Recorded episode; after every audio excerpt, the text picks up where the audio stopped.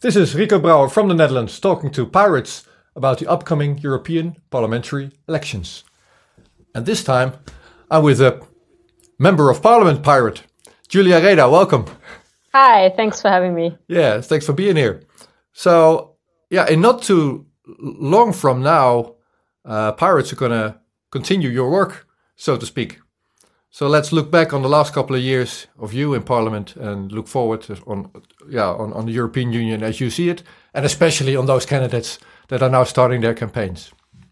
Yes, uh, absolutely. So, do you want me to just uh, get right into it? Well, the, to start, one of the th main topics that you've been working on for years, and that is reached, the, yeah, well, we voted on the Article 13, now 17 of the Copyright Directive. Any new developments on that area? Well, so uh, the European Parliament unfortunately adopted the copyright deal without changes on the 26th of March. It was an extremely close vote. So, uh, on the question whether or not to allow amendments that would have allowed us to uh, delete the most problematic articles, there was just a majority of five votes um, to keep the text as it is. And the final vote on the overall package, we lost by about 75 votes. So really, it was not that clear. It was a lot closer than the previous vote in September. And I think the uh, street protests, the intense um, discussion about the topic on the internet played a huge role. But in the end, we just ran out of time and we did not have enough time to get the the information out there. So uh, we lost the vote in the parliament, and now the only thing that's standing in the way of uh, the directive being adopted is the vote in council, which is happening in the Agriculture Council on 15th of April. And there, um, the directive will be adopted if there's a qualified majority for it. And um, right now, it looks like there probably will be even though, for example, the Netherlands uh, have already announced that they will vote against. Yeah, in Sweden, I heard. Yeah, so Sweden is kind of an interesting case because Sweden used to be against the proposal, but then actually voted in favor of it uh, in the Coreper meeting, which gave the green light uh, to the vote in the European Parliament. And this was kind of surprising because the Swedish government parties uh, had always voted against in parliament, but um, the Swedish government changed its position at the last minute, probably because of the Swedish Social Democrats, uh, who were internally divided. And in the end, in the European Parliament, some of the Swedish Social Democrats voted in favor and some voted against. Yeah. So it's probably the Social Democrats, who are the largest party in the Swedish uh, government, who led uh, Sweden to suddenly support the deal. But uh, politicians back home didn't like that, so they have announced a vote uh, by the European Affairs Committee in the Swedish Parliament that is happening this week on Thursday and Friday. And uh, judging from what the different parties have said, including the Greens and the Liberals who support the government, uh, there will be a clear majority against the proposal. And the Swedish government is expected to follow the decision by the Swedish parliament to vote against. Okay. But on the whole, um, yeah, we'll have to wait until the 15th, see what happens. That's yeah, so I think uh, the fact that Sweden wants to vote against is a good sign because yeah. it shows that position can still change. And um, uh, some politicians have said, "Oh, it's over. We cannot change our position anymore," etc. Uh, especially in Germany, it's kind of uh, crazy because uh, our well, coalition government is made up of the conservatives and the social democrats. And the social democrats not only voted against in the European Parliament, uh, the justice minister who is responsible for copyright even publicly called upon people not to support the deal. So uh, clearly, she, she took a public stance against it.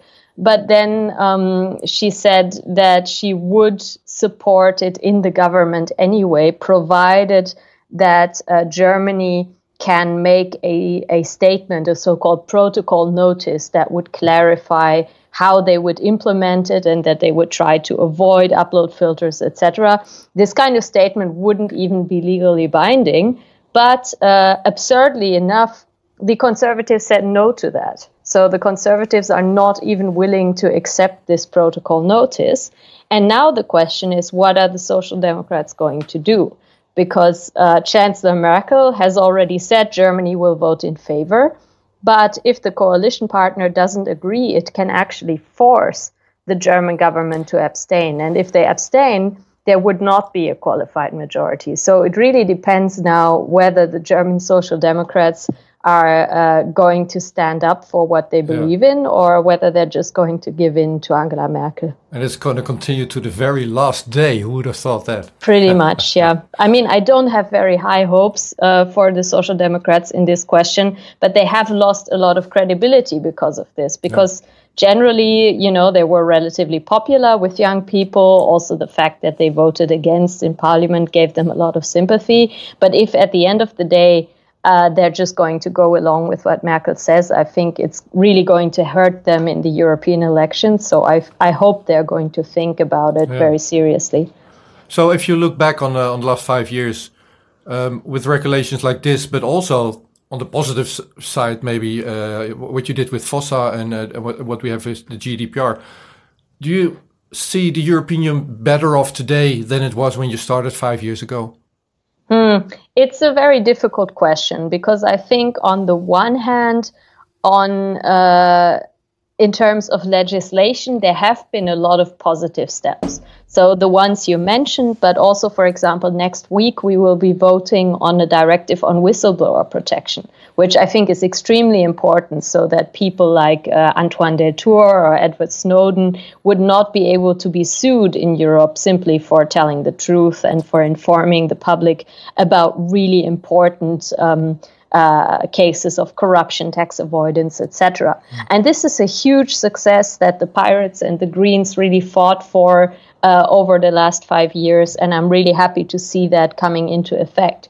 But at the same time, with Brexit, with the financial crisis and the um, reactions to that, the austerity measures on Greece, um, you can't really honestly say that the EU is in a better state than it was five years ago. Like a lot of things have been developing in a in a negative direction, also with uh, far right parties gaining popularity. Um, and of course, there has also been uh, internet legislation that is really worrying, that sometimes is uh, due to intense lobbying from the entertainment industry, like in the copyright file, or sometimes simply a product of fear. Like we have this terrorism regulation on the table at the moment that is uh, really putting draconian obligations on anyone who runs a website and I think it's just a knee jerk reaction to terrorist attacks and the way that they have been uh, popularized on the internet um, that is kind of leading a free society to restrict our own freedoms in a way that I find really worrying. Yeah. So it's a very mixed picture. Yeah, indeed. And also, oh, hearing you talk like this and you're so into those those files and, and and everything that took place last five years. Now we have a new set of pirates coming in that have to oh, get used to Brussels, Strasbourg, yeah. and all all those uh, uh, stuff that you learned. Are you gonna are you gonna train them up a bit or what?